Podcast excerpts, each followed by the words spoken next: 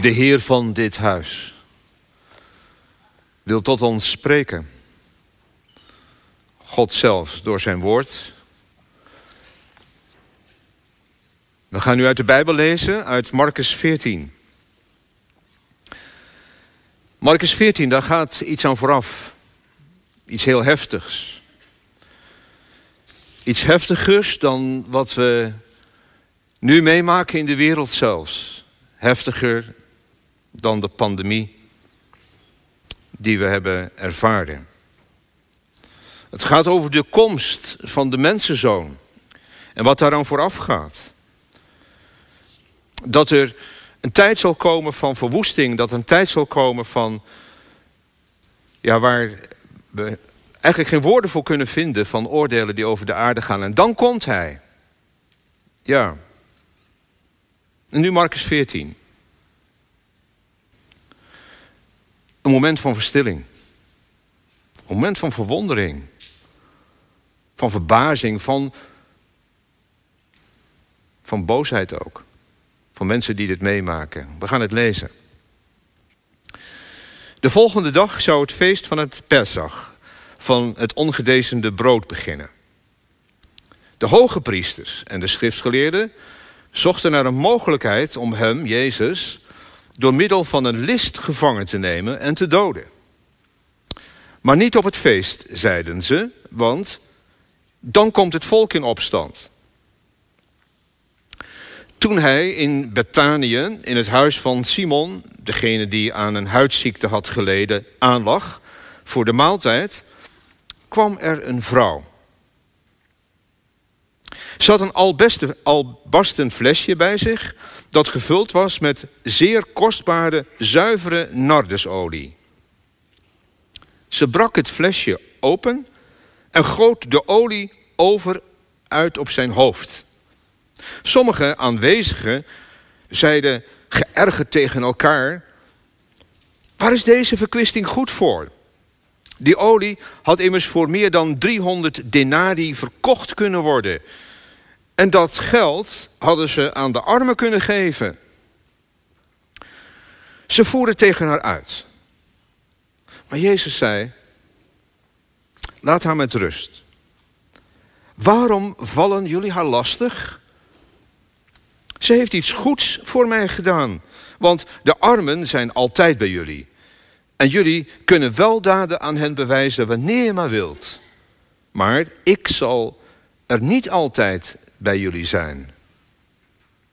Wat ze kon, heeft ze gedaan. Ze heeft mijn lichaam nu al met olie gebalsemd, met het oog op mijn begrafenis. Ik verzeker jullie, waar maar ook ter wereld het goede nieuws verkondigd wordt, daar zal ter herinnering aan haar verteld worden wat zij heeft gedaan. Toen ging Judas Iscariot, een van de twaalf, naar de hoge priesters. Om hem aan hen uit te leveren. Toen zij dit hoorden, waren ze opgetogen en beloofden ze hem geld te zullen geven. En hij zon op een mogelijkheid om hem op een geschikt moment uit te leveren. Dit is het woord van God. Zalig die het woord van God hoort, dat gelooft en daaruit leeft. Ja, misschien is het je opgevallen. Over geld gaat het. Gaat het altijd maar weer, hè? Over geld. Ja. Nou, we zullen zien wat dat dan voor betekenis heeft in het leven van die vrouw, in het leven van Judas. Wat heeft het in ons leven? Nou, is dat natuurlijk niet het thema wat is geld jou waard, maar wat is Jezus jou waard? Dat heeft wel met elkaar te maken natuurlijk. Het een kan zomaar met het ander samenhangen.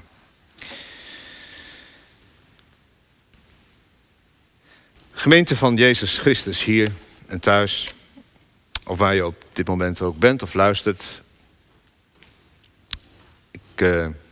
Ik zal ook die kamer in de gaten houden. En misschien even een beetje wennen. Ja, Wat zou ik gezegd, wat zou ik gedacht hebben als ik erbij geweest was? Nou ja, een paar van die druppeltjes, hè? Uit zo'n flaconnetje. Een beetje voor, voor de geur. Maar zo'n hele voorraadfles in één keer over iemand uitgieten, je zou het ervan op je luchtwegen krijgen. Dat is toch uh, gewoon bizar wat er gebeurt. Ineens staat ze daar. Out of the blue, zeg maar. Ze is het uh, mannenvertrek of de mannenhoek genaderd, zoals je dat wel eens kunt hebben. Misschien nog wel eens op wat verjaardagen of zo. Of uh, dat je dan toch een beetje mannen bij mannen, vrouwen bij vrouwen gaat zitten. En dat had je vroeger helemaal natuurlijk. Maar goed, uh, ze is daar gekomen. En dan niet met een dienblad om de heren van hun natje en droogje te voorzien, zoals dat te doen gebruikelijk was, maar met een flesje. Er staat hier een albasterfles. Albast, dat is een uh, bepaald steensoort, die absorbeert geen vocht. Dus alles wat er in die fles zit, dat blijft erin. De inhoud blijft gelijk. En de geur blijft ook zijn kwaliteit houden. Trouwens, het was ook de inhoud iets van kwaliteit. Want Marcus zegt, het was kostbare nardus. Kostbaar. Zuivere nardus. A-kwaliteit. Bio plus. Nou, dat, uh, dat mag toch ook wel? Als het om het leven gaat. Want dat is hij toch? Jezus. Het leven.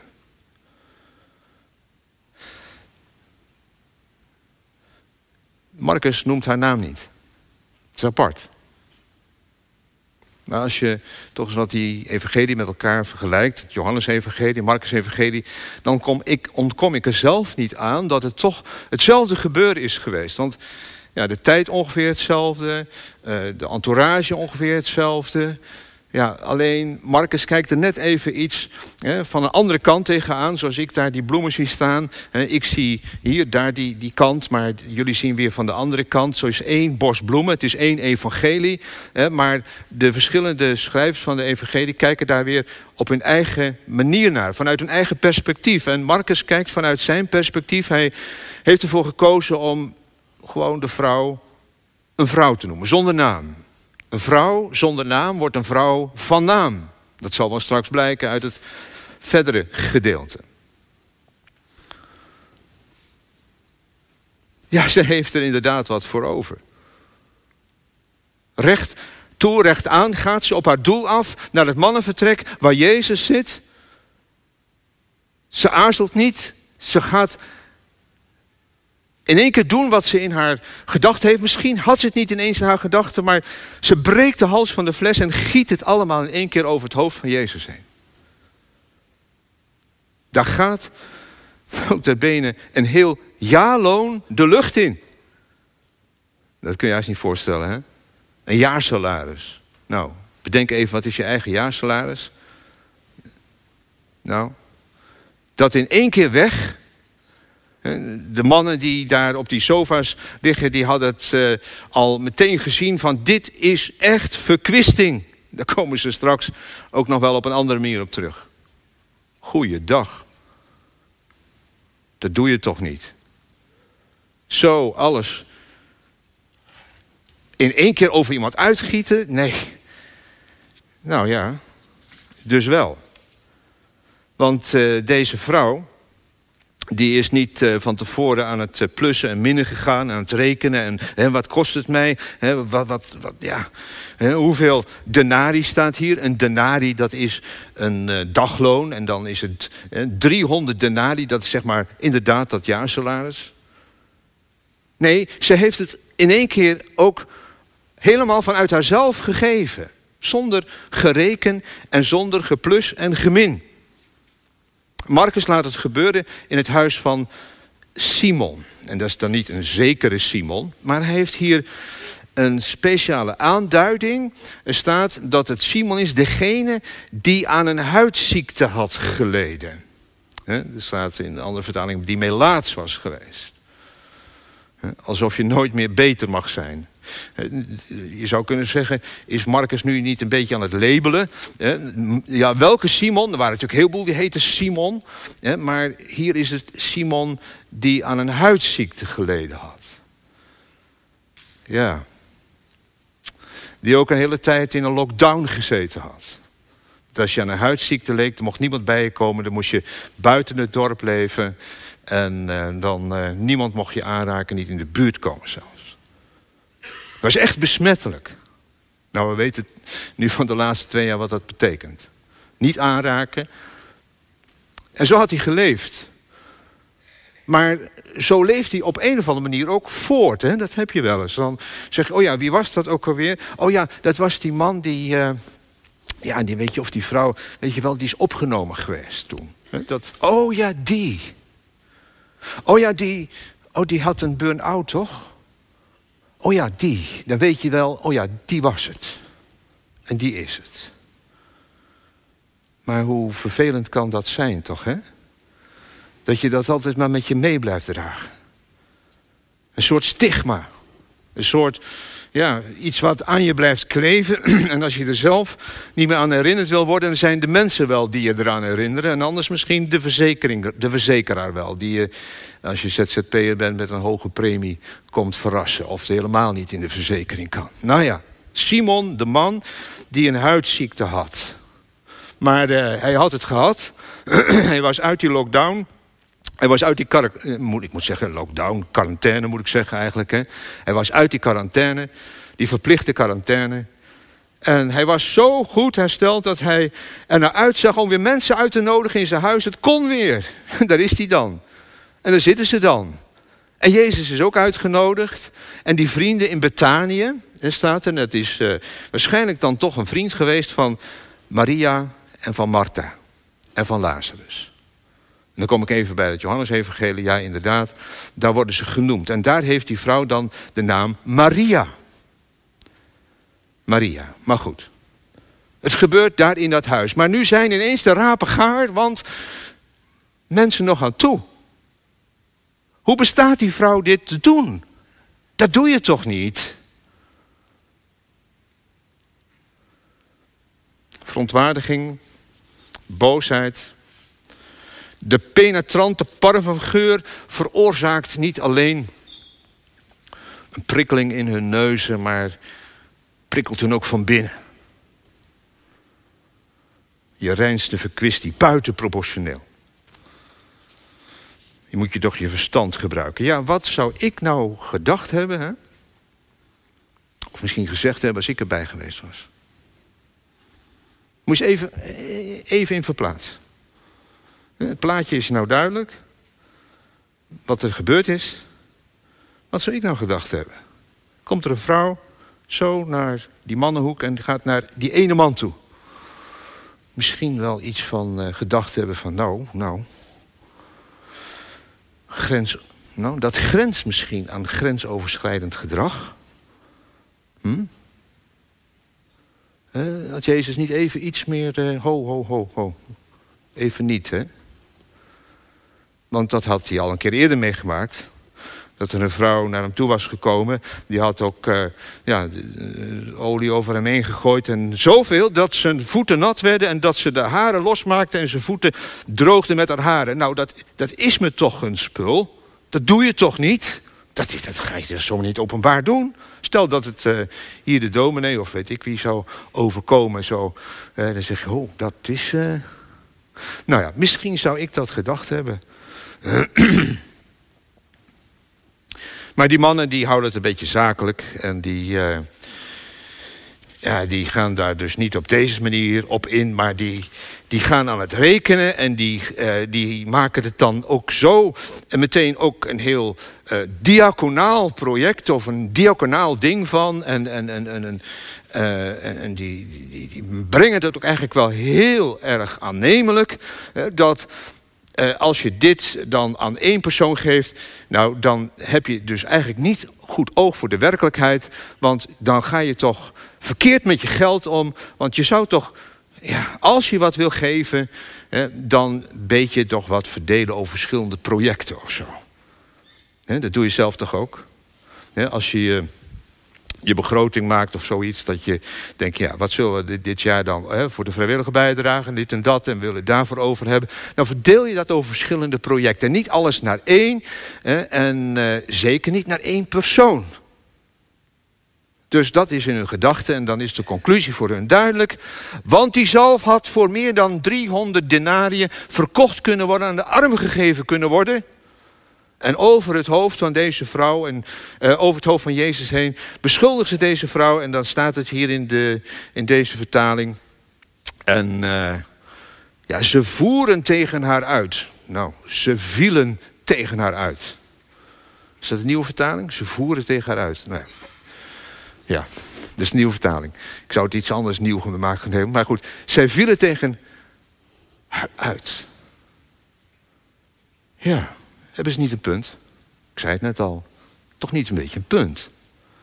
Ik, ik vind het heel, heel logisch geredeneerd en gereageerd. Ook. Ik vind dat ze wel een punt hebben gewoon. Vind je niet? Dit, dit, is, dit is niet uh, binnen de, ja, de standaarden, de maat, of hoe je het ook noemt. Ja, wat zou ik gedacht hebben als ik erbij geweest was? Nou, ik ben erbij. Ik, ja. En uh, u bent er ook bij, jij bent er ook bij. Want ik, ik zie door deze woorden, door dit verhaal, zie ik Jezus naar mij kijken naar mij. En, en hij kijkt ook naar u, naar jou. En ik zie in zijn ogen een vraag. Ja, dit heb je nou gezien van die vrouw. Wat ben ik jou waard? Dat die vrouw vindt dat ik haar heel veel waard ben, ja. Maar kijk, kijk maar aan. Ja, hier ben ik je ziet mij toch? Nee, niet uh, hier, ik die dominee, maar de Heer Jezus. Wat ben ik jou waard? Hoeveel ben ik jou waard? Vraagt Jezus aan je vanmorgen. Het is niet zomaar een vraagje, maar die vraag roept om een reactie, om een antwoord.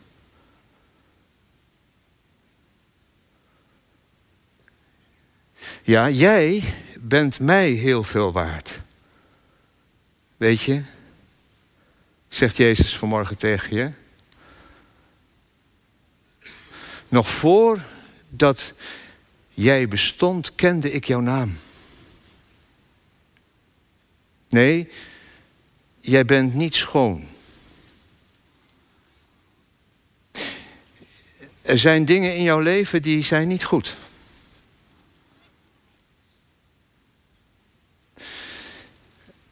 Er zijn dingen gebeurd in je leven waar je misschien nu schaamt, nog steeds schaamt.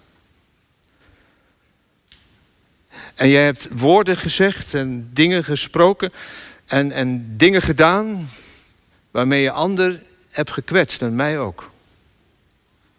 Ik ken jou echt helemaal wel goed en je hoeft ook niet je mooier voor te doen voor mij dan je bent. Ik ken je echt wel.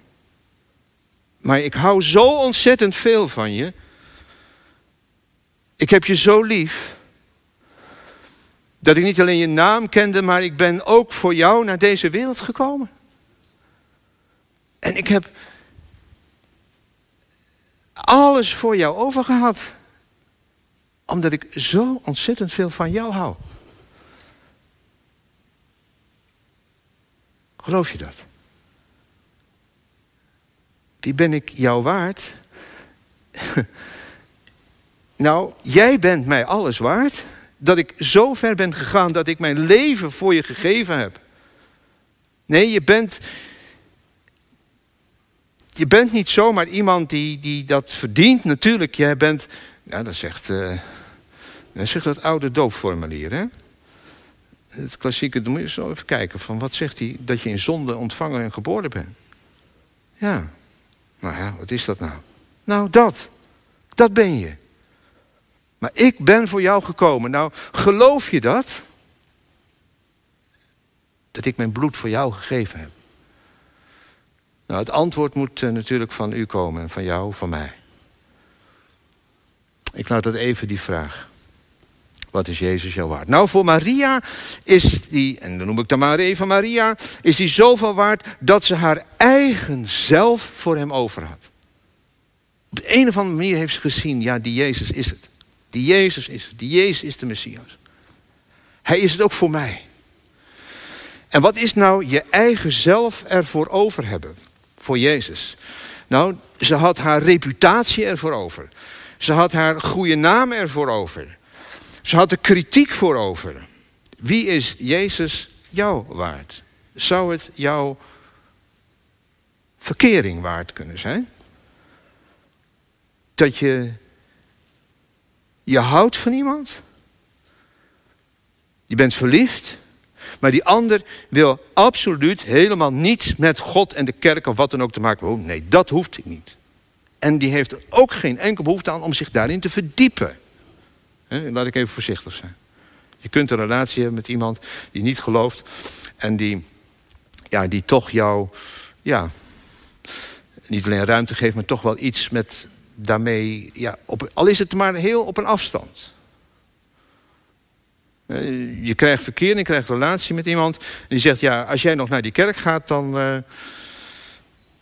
maar goed.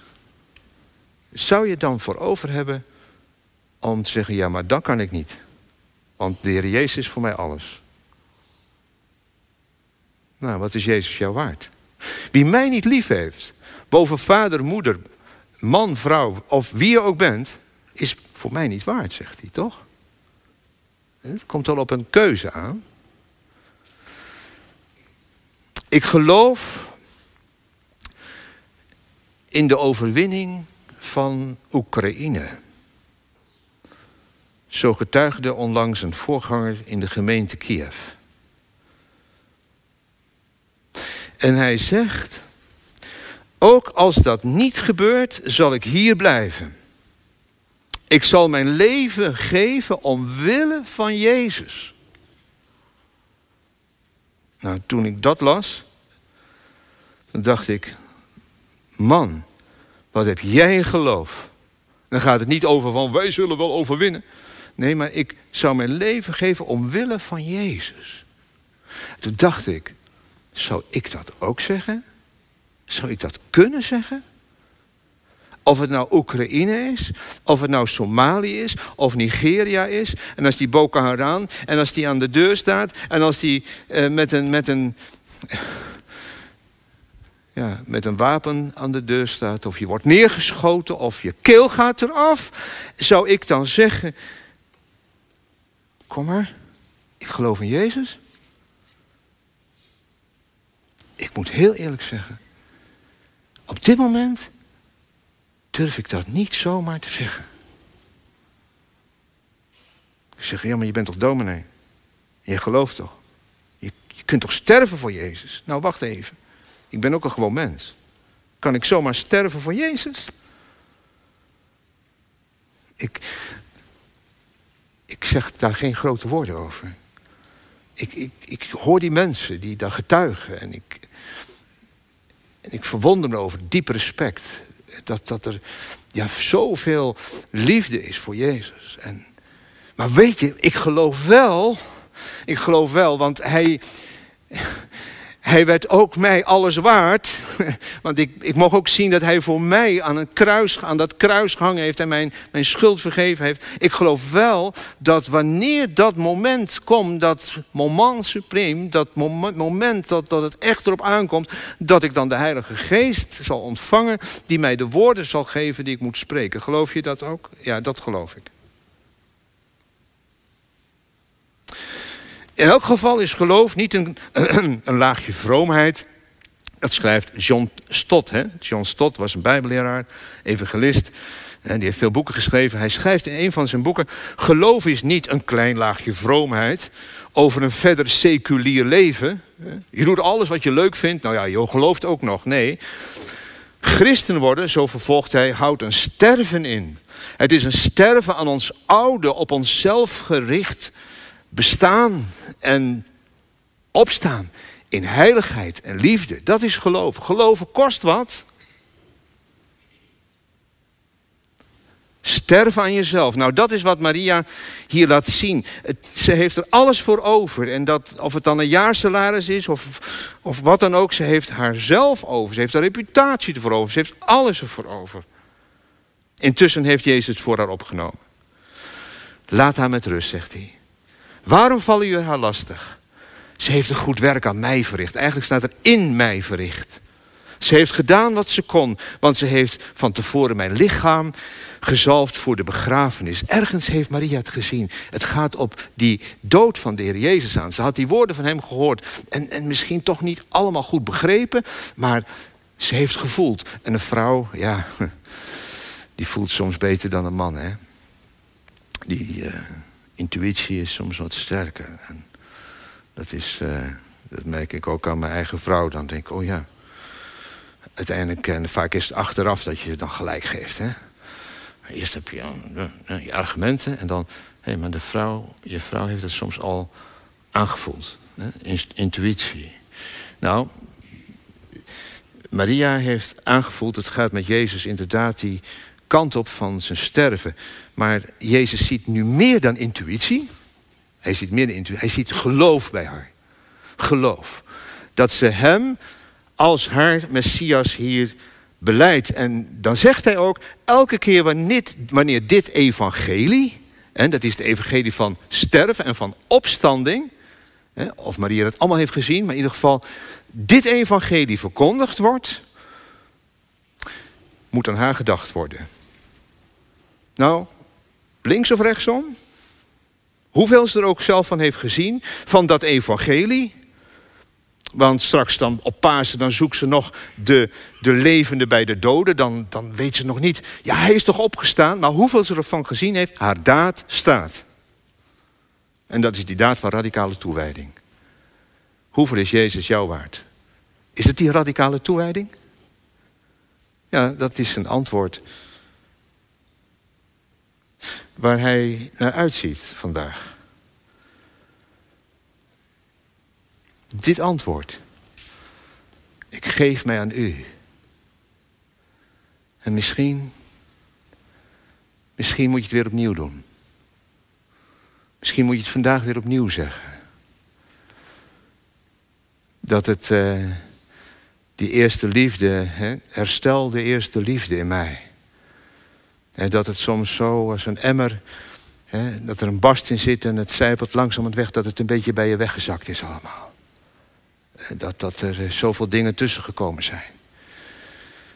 En dat je weer opnieuw aan hem toeleidt, anders, toewijdt, anders ben je zomaar een Judas. Een Judas, ja, daar eindigt dit verhaal mee. Met Judas.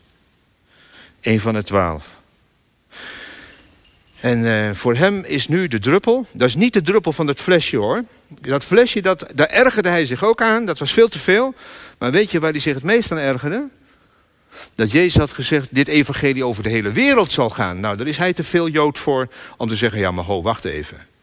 Ja, mijn zoon Jezus, die hoef ik niet. Zo Messias, nee. Die maar zomaar even dat heil voor de hele wereld laat verkondigen. Dat is toch voor de Joden? En met zijn rechtzinnige hoofd gaat hij het verraderspad op. Dat kan dus, hè? Dat je heel rechtzinnig bent en dat je toch zegt van... Uh, ja, maar Jezus hoef ik niet. Want het evangelie is veel te ruim. Voor de wereld, nee. Ja, en dan haakt uh, Judas af.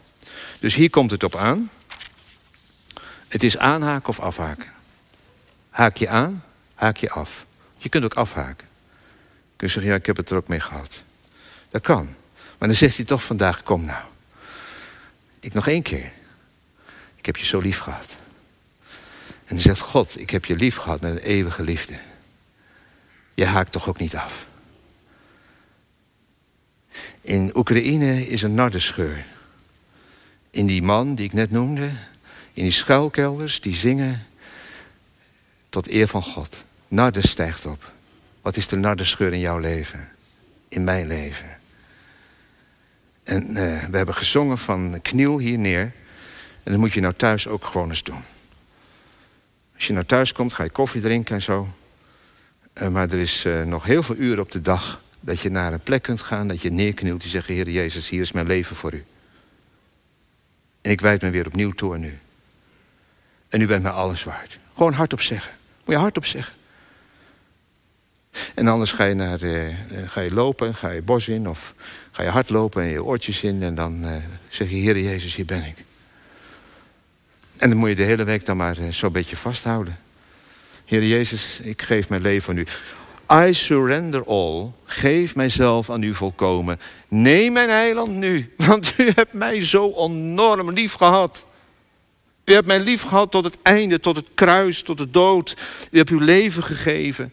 Ik geef me aan u. Heer Jezus, hier ben ik. Laat mijn leven een nardescheur zijn voor u. Dat anderen u zullen horen, zien, in mij en aanvoelen. Dat ik die geur van u verspreid. Wat zou je gedacht hebben als je erbij was geweest?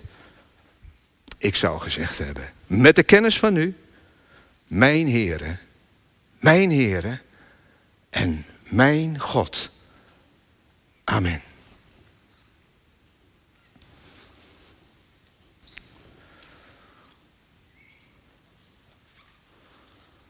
We gaan samen danken.